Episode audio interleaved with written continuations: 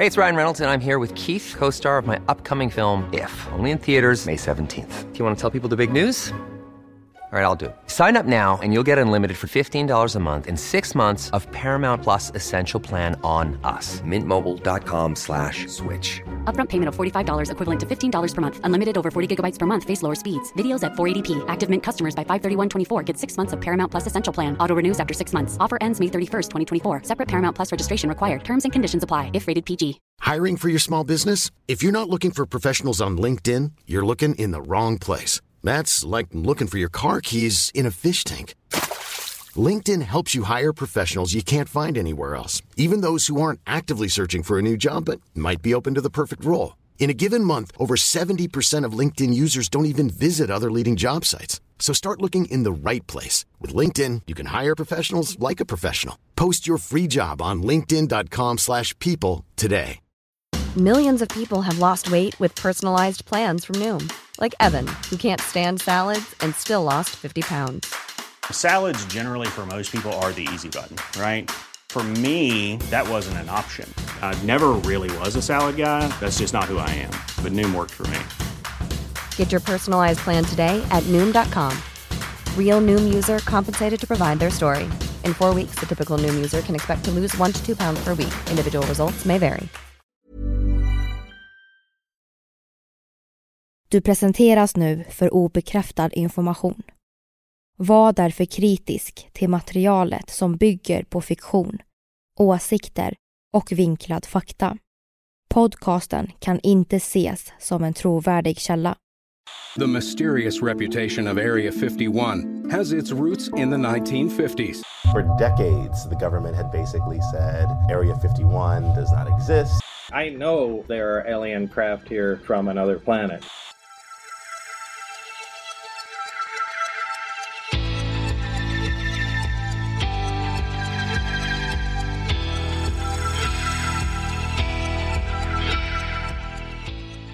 Ni lyssnar på Konspirationsteorier, en podcast med Vivi och Aida. Och det här är en annan sida av historien om Area 51. En plats där man gömmer aliens och ufos.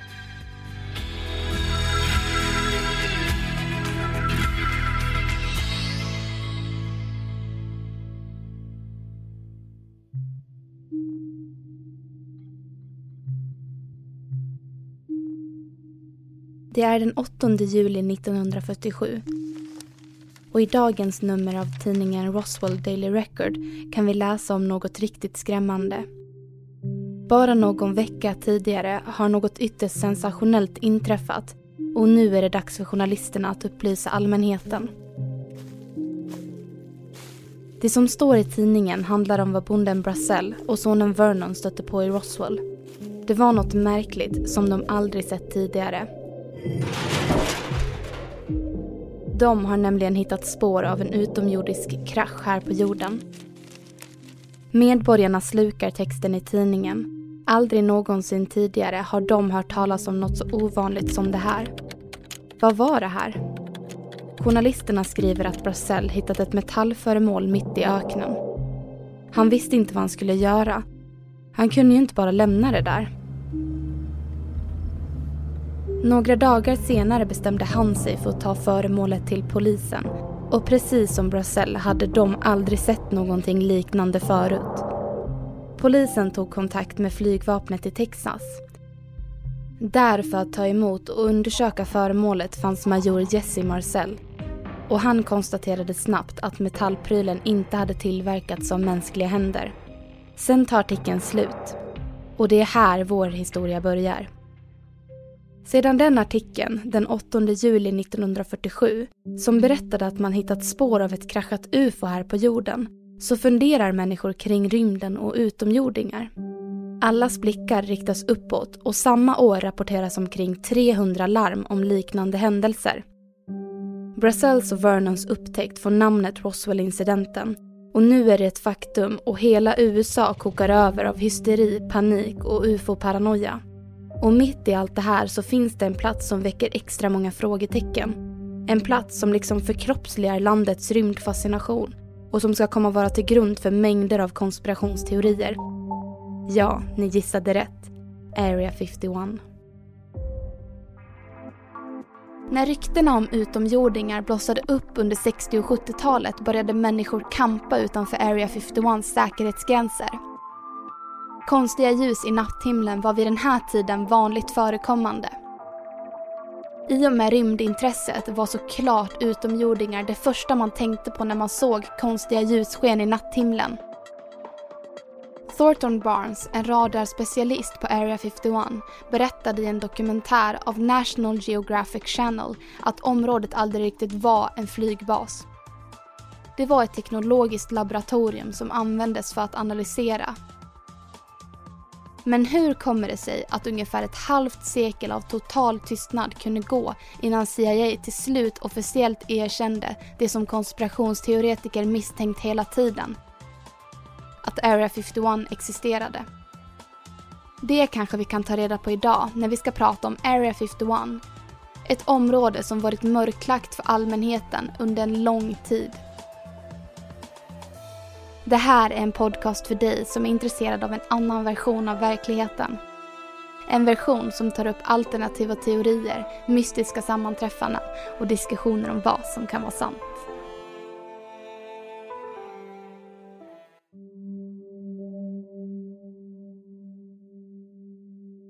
Vi hoppar fram några år till mitten av 70-talet.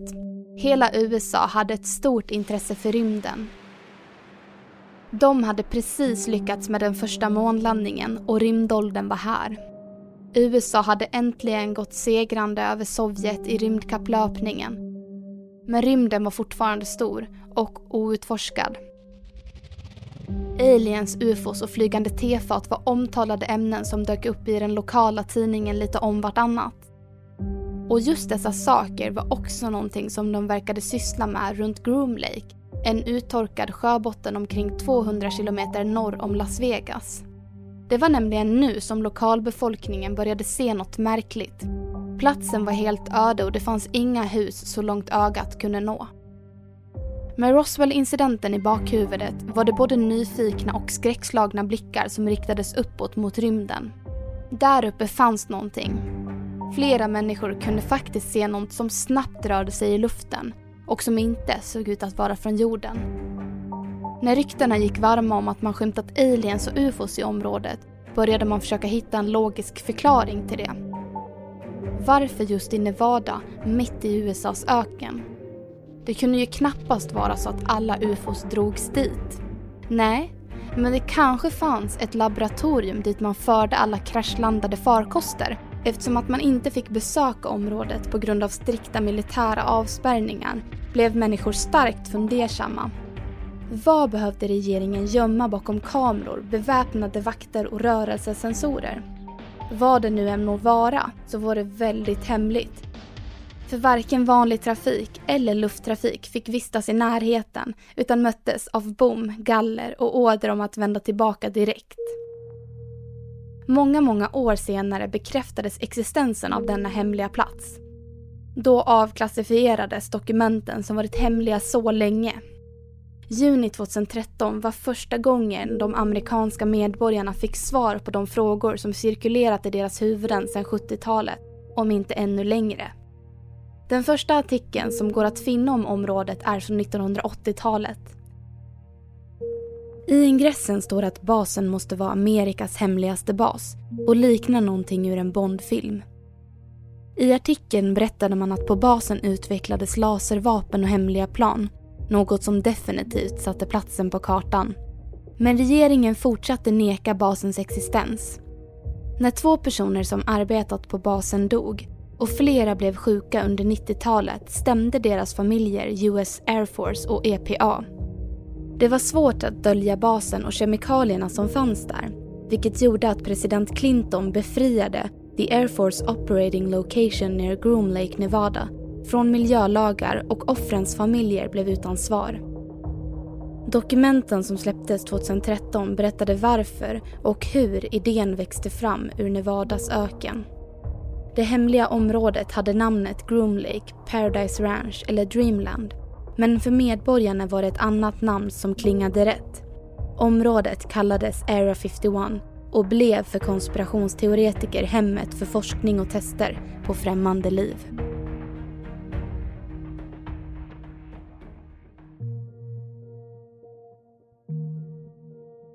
Misstankarna om ett område dit man tog kraschlandade aliens som blivit fast på jorden bara fortsatte öka när myndigheterna vägrade att kommentera ryktena.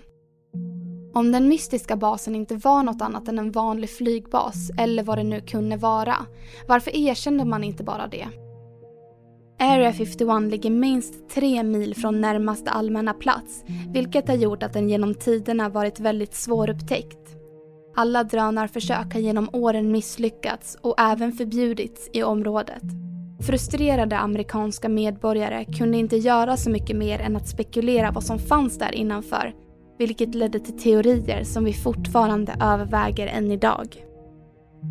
Det var ju under slutet av 40-talet och i början av 50-talet som rymden blev mer intressant och även då man började kasta ett extra vaksamt öga uppåt. Under 50-talet startade CIA upp projektet Aquatone och direkt inkom rapporter om oidentifierade objekt i himlen. Och det är lätt att förstå varför idag.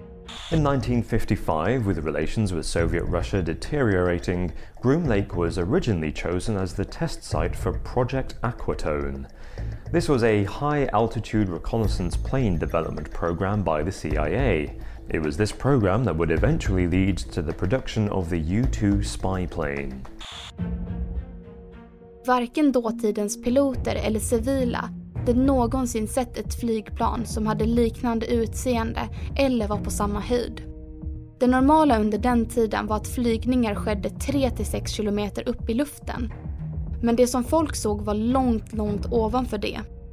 Och i efterhand, nu när mycket av informationen om vad som egentligen pågick på Area 51 släppts, har militären berättat att ryktena passade dem utmärkt. Det avledde civilbefolkningen från att undersöka mer och vilseledde deras uppmärksamhet från projekten som var igång innanför murarna. För inne på Area 51 pågick någonting helt annorlunda. Projekt Aquatone, eller U2 som det också kallades, var troligtvis det som eldade på konspirationsteorierna kring Area 51. U2 var ett kodnamn för USAs nya satsning på spionplan som utvecklades i samband med kalla kriget. Innan Area 51 användes för att utveckla U2 användes det för att skapa och utveckla tunga vapen, kanoner och för att testa bombning. Men efter andra världskriget stod området tomt. När man insåg Area 51s potential för diskret flygning med sin långa landningsbana ville man använda det som testanläggning för spionplanet U2. Så när allmänheten trodde att de såg ufos använde CIA det för att bedöma hur synliga U2 faktiskt var. Line, you're on the air. Hello. Hello, Art. Yes. Hi. Um, I, I, I I don't have a whole lot of uh, time. Were you an employee or are you now? Uh, I a former employee. Former um, employee. I, I, I, was let go on a medical discharge about a week ago, and and I, have kind of been running a, across the country. Um, oh man, I don't know where to start. There. Well, um, you can't spend a lot of time on the phone, so give us something quick. Okay. Um. Okay, what what we're thinking of as as aliens are they're uh, they're they're extra dimensional beings that an earlier precursor of the um, space program made contact with. Uh, they they are not what they claim to be. Uh, they have infiltrated a lot of uh, uh a, lot of aspects of, of, of the military establishment, particularly the Area 51.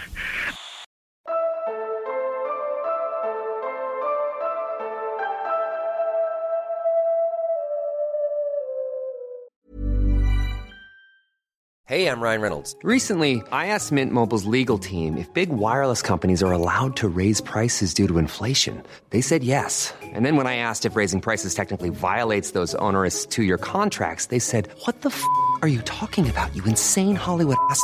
So to recap, we're cutting the price of Mint Unlimited from $30 a month to just $15 a month. Give it a try at mintmobile.com slash switch. $45 up front for three months plus taxes and fees. Promo for new customers for limited time. Unlimited more than 40 gigabytes per month. Slows. Full terms at mintmobile.com.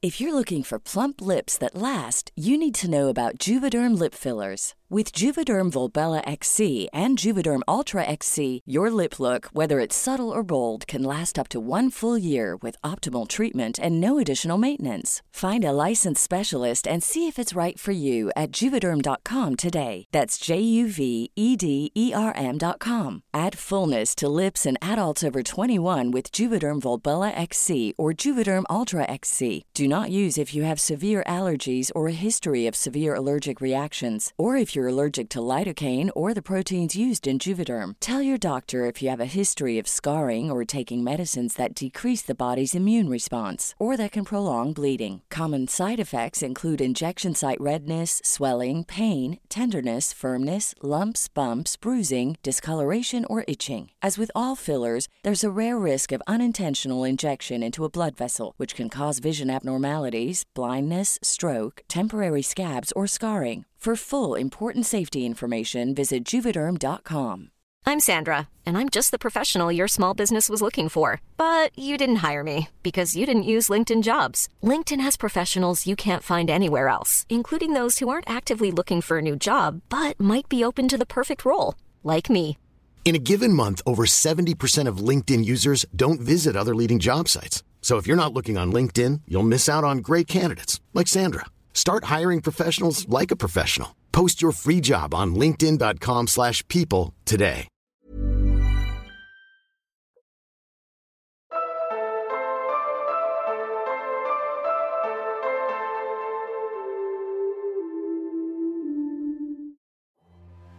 När en man ringde in till programmet Coast to Coast år 1997 blev världen skräckslagen.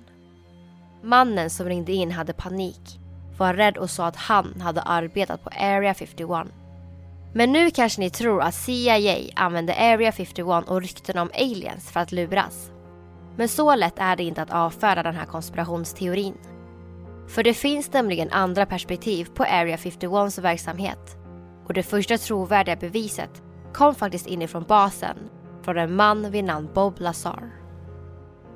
Lazar's story is by any standards fantastic. He says he's telling it in order to protect himself. He says he was hired to work at an area called S4, which is a few miles south of Groom Lake. At S4, he says, are flying saucers, antimatter reactors, and other working examples of technology that is seemingly beyond human capabilities. Right. This this came from somewhere else. I mean, as bizarre as that is to believe, but I mean, it's there. I saw it.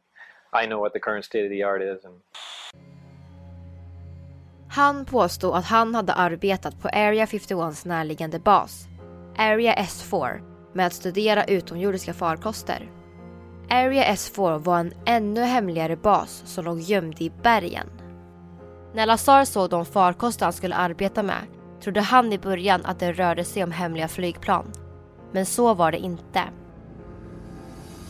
Han arbetade bara på basen ett kort tag. När han upptäckte att hans födelsecertifikat var försvunnet insåg han att något inte stod rätt till. År 1989 berättade han för allmänheten vad som egentligen pågick bakom de stängda dörrarna. Ett smart val nu i efterhand. Det kan nämligen ha räddat hans liv om historien nu stämmer. Lazar berättade att han var anställd för att plocka isär kraschade ufos för att förstå vilken teknik som de utomjordiska varelserna använde. Han kom fram till att de drevs av ett bränsle bestående av grundämnet unknown pentium eller element 115 som det är känt som i detta sammanhang. Det skulle enligt Lazar ha antigravitationsegenskaper som gjorde att ufon kunde flyga. When setting the periodic table, leave room for an extra element. Researchers in Sweden say they've made one by slamming together the atoms of calcium and americium. And it's a beast. Its atomic number is 115, much heavier than lead or uranium. Its temporary name is ununpentium, much harder to say than lead or uranium. But you can't see it. Right after the atoms collided, the element disappeared in a flash of radiation. You can't find it, it doesn't exist in nature. Swedish scientists can't say they invented it. Russian researchers first made this element in 2004, and you can't really do anything with it. They say it's just not practical. What is element 115? Is it found here on Earth or is it strictly an extraterrestrial material? 115 is strictly an extraterrestrial material. Uh, it probably occurs naturally in some other places maybe other star systems. Uh, you know, some people not familiar with science or chemistry say, well, that's ridiculous. All the elements occur on Earth, you know. Uh, but that's not true. And there are elements on the periodic chart that aren't found on Earth. Till skillnad från vanliga ämnen i periodiska systemet så är element 115 ett av några som inte funnits naturligt som måste framställas. Men när amerikanska och ryska forskare många år senare lyckades skapa element 115 visade det sig vara mycket instabilt. Det gick att framställa men föll nästan direkt isär och det hade inga antigravitationsegenskaper. Men Lazar hade en förklaring. Deras version av element 115 vägde ungefär 10% mindre än den han hade arbetat med. Bara med hjälp av 10% mer massa skulle det konstgjorda element 115 kunna få samma egenskaper som det han studerade i Area S4. Men än idag har ingen lyckats framställa det som Lazar beskriver. Enligt honom beror det på att utomjordingarna har hittat bränslet till sina farkoster i supernovor. What you take away from it 25 years later after sitting down with Bob and hearing him tell this story with the same details. He's not adding any stuff to it. Doesn't have to worry about remembering the truth because he remembers the same version, the same story, the same way, same details. And he's telling things that actually happened to him. Well, I am telling the truth. I, have I've tried to prove that. Uh, what's going on up there could be the most important event in history. You're talking about contact, physical, physical contact, and proof of, from another another system, another planet, another intelligence. That's got to be the biggest event in history. Period. And it's real. And it's real, and it's there. Många människor har genom åren dumförklarat Lazar och påstått att hans historia var rena rama struntpratet. Men bara tills nu. År 2018 släppte filmproducenten Jeremy Corbell filmen Bob Lazar, Area 51 and Flying Saucers. I filmen visas för första gången ett klipp som Lazar trodde var borta för alltid. Den korta videon föreställer en ljusstråle som böjer sig något som borde vara omöjligt på jorden.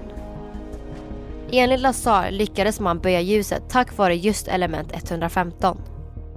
Det här är ett tecken på att han arbetade med något som var otroligt. Och om det är sant, varför skulle han då ljuga om hur han upptäckte ämnet?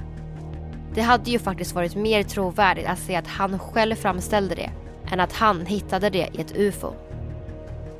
När Bob Lazar framträdde i media började liknande historier att höras från flera personer som alla kunde styrka Lazars historia och påståenden. De hade alla arbetat på Area 51 eller Area S4 med någon form av utomjordisk verksamhet. Det skumma med det här var att ingen av dessa personer har gått att kontakta i efterhand eftersom de mystiskt har försvunnit efter sina uttalanden. Men Bob Lazar finns kvar och många konspirationsteoretiker tror att det är för att det har blivit för svårt för regeringen att göra sig av med honom när han har blivit så pass omtalad i media. Men man kan undra om regeringen försöker på andra sätt.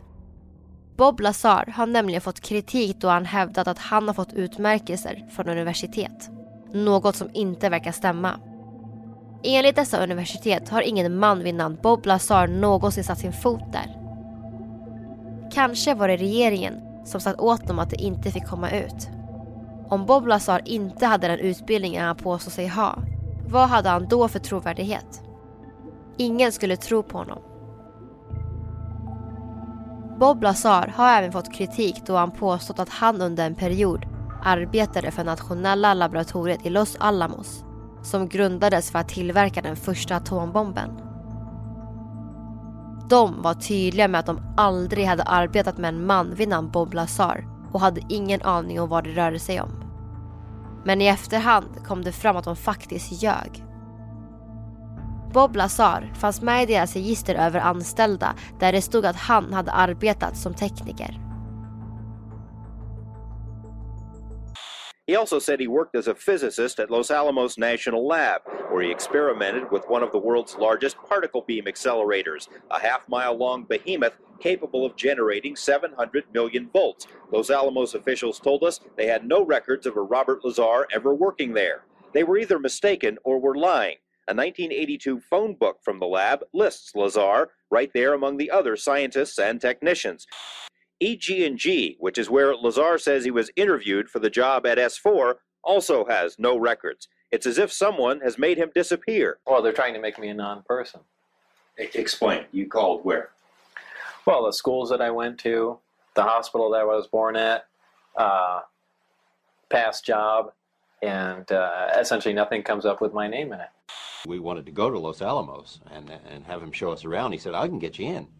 That, yeah, we'll believe this when we see it. So we were there on a weekend. Fewer people are in the lab, and, and Bob, in fact, did take us in. And it was like uh, following him through this labyrinth of uh, different labs and facilities, and he knew his way around like, like a rabbit in its own burrow. He knew where everything was, and, and, uh, and that impressed me because how would he know if he hadn't been there? Hur kunde Bob Lazar ha arbetat där om han inte kunde något om teknik?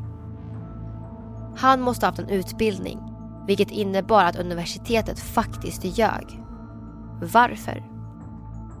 Många konspirationsteoretiker är stensäkra på att Lazar fallit offer för regeringen som försökte ta bort all trovärdighet från honom. Och vi får inte glömma att alla bilder och videoklipp som de andra försvunna vittnena talade om finns kvar. Vilket ska innehålla alla möjliga utomjordiska kroppar. Det intressanta med Bob Lazar är att det finns många saker som man visste om Area 51 som en utomstående person omöjligt hade kunnat veta om. Till exempel så kunde Lazar peka ut platsen för Area S4 under 1989 och såklart fanns den där han sa att den skulle vara. Och inte nog med det. I augusti 1990 framkom det att Lazar fått pengar av den amerikanska Department of Naval Intelligence. Organisationen som driver Area 51 och Area S4. Om det inte betydde att han arbetat där, vad var det då ett tecken på? Vad hade Department of Naval Intelligence för anledning att ge Bob Lazar pengar?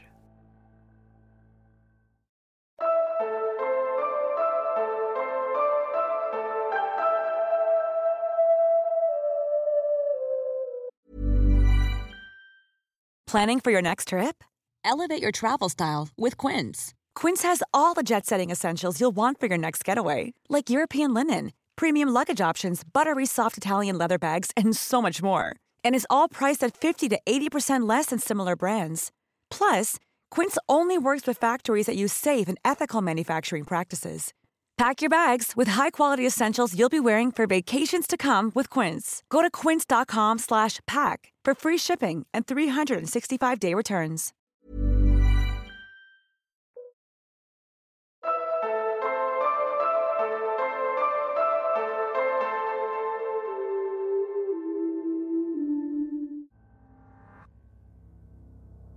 Det vi vet nu är att alla verkar undersöka olika saker. Vi hade NASA som undersökte rymden. Vi hade regeringen som kanske undersökte döda aliens på Area 51. Och vi hade också de vanliga medborgarna. Och där fanns det några som undersökte Google Maps. Som vi alla vet kan Googles karttjänst ta en runt hela världen. Men fram till 2013 kunde den inte ta oss till Area 51. Google har även en annan funktion som blir relevant i den här diskussionen. Det finns nämligen en timelapse-funktion som gör det möjligt att se hur något sett ut bakåt i tiden. Så tack vare den lagförändring i USA som offentliggjorde Area 51 kan vi nu följa hur basen såg ut sedan 80-talet. När konspirationsteoretikerna granskade området så fann de någonting som verkade lite mystiskt. Men det är inte på Area 51 vi hittar det, utan på vad vi tror kan vara Area S4. Visst hade området expanderat och det hade bland annat byggts dit nya vägar. Men från den ena bilden år 2005 till den andra bilden år 2006 kan vi se en ny stor byggnad där det sticker ut ett stort svart UFO. Det var Scott Waring som hittade ufot på Maps och han mätte upp att det var 30 meter långt. När Waring upptäckte detta la han upp en detaljerad video med koordinater på hur hans följare skulle göra för att hitta stället. Men när de skulle skriva in koordinaterna så tog Maps dem inte till rätt ställe. Så för att hitta till det stället och året som man kan se något stort sticka ut ur byggnaden har Scott Waring gjort ytterligare en video för att förklara hur man hittar platsen. I den menar han också att de slangar som finns från den stora byggnaden var luftkonditioneringsslangar som förgrenade sig ur hangaren och kopplades samman med andra anläggningar runt byggnaden. Men kan vi verkligen förvänta oss att se något skumt på Googles satellitbilder från området i Nevada? Det vore helt omöjligt att militären inte var fullt medveten om hur bra satellittekniken har blivit med åren och skulle nog säkerligen tänka efter ett par fler gånger innan de visar vad som finns på området. Det är inte direkt troligt att vi kommer få se varken hemliga vapen eller utomjordiska varelser. Oavsett vad de arbetar med på Area 51 får vi nog bara acceptera att vi vanliga medborgare får fortsätta leva i ovisshet. Men kanske inte länge till. Vem vet om någon ny person kommer våga träda fram som Bob Lazar och berätta vad som händer i Nevada. Men glöm inte. Bara för att det ser ut som att det är en flygbas på utsidan finns det ju inget som säger vad som finns under marken. Det är utan tvekan något som händer på Area 51 men vad det är kommer vi nog aldrig få några riktiga bevis på. Det har funnits mängder av konspirationsteorier och myter kring området sedan slutet av 40-talet. Men varför? Om det inte är så att den amerikanska regeringen faktiskt döljer något. Kanske har området varit basen för världens ufo-verksamhet en gång i tiden. Där militären förvarar kraschade ufon tillsammans med tillfångatagna och döda utomjordingar. Och kanske var det så att Area 51 blev ett flygfält för att det var ett smidigt sätt att täcka det. Många människor vill fortfarande tro att det finns något mer i rymden än bara stjärnor och planeter. Även fast vi kanske aldrig får veta svaret på det. Kanske någon annan vet. Kanske någon på en hemlig bas. Någonstans i världen.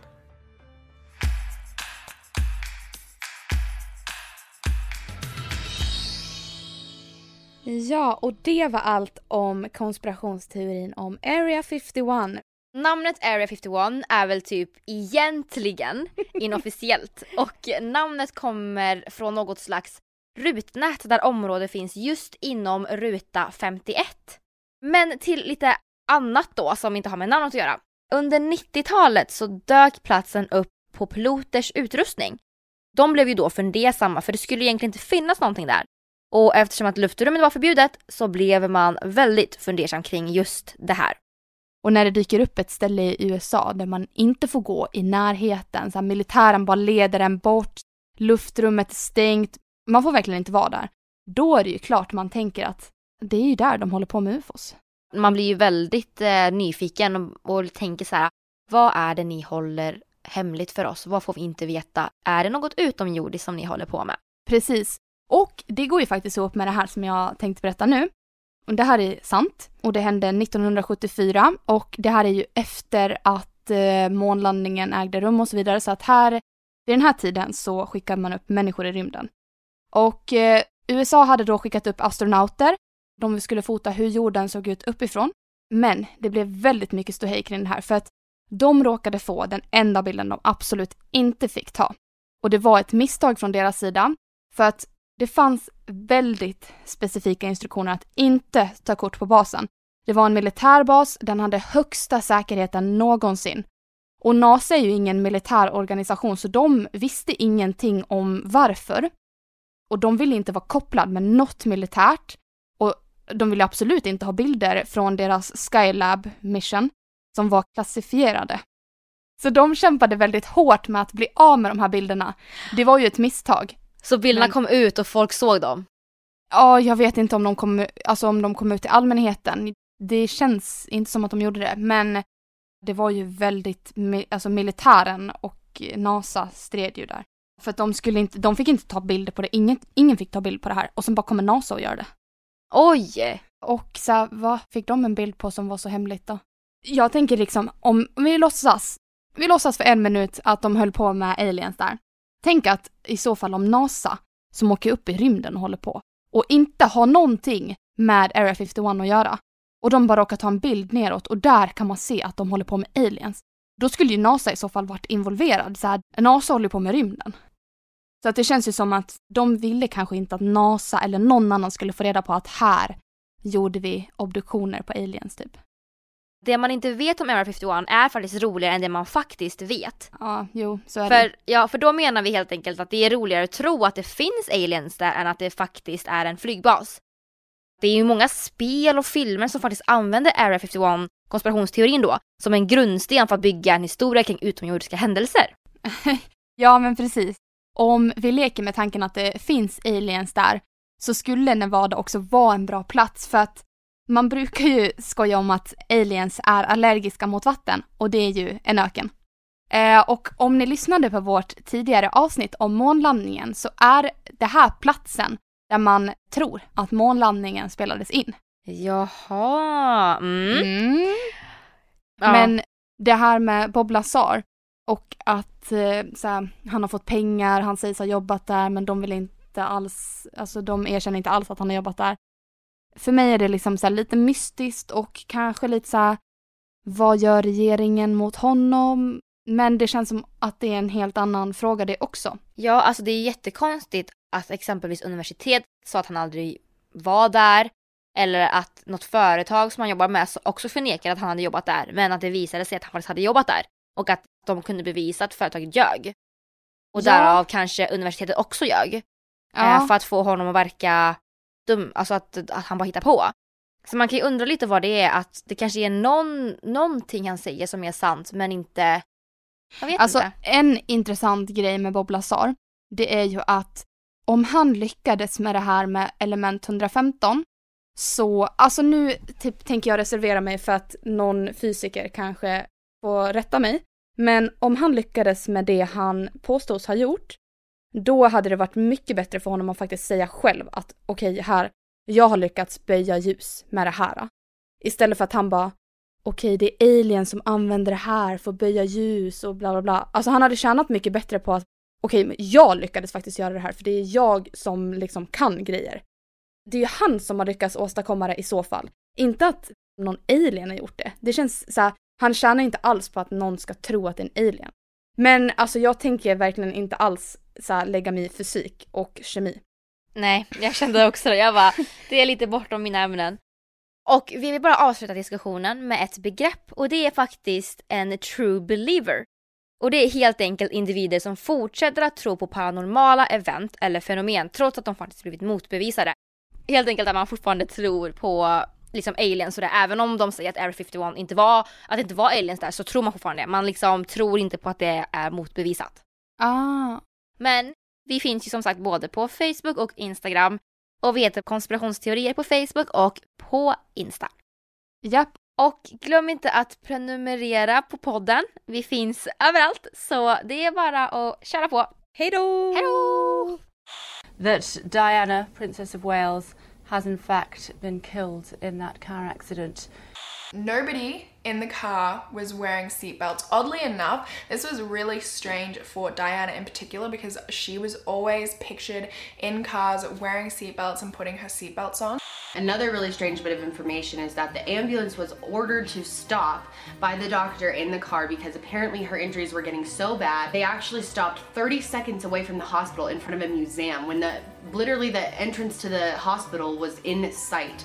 So it was like very bizarre that they just stopped right there. Many people think that in the ambulance they were actually trying to make her injuries worse.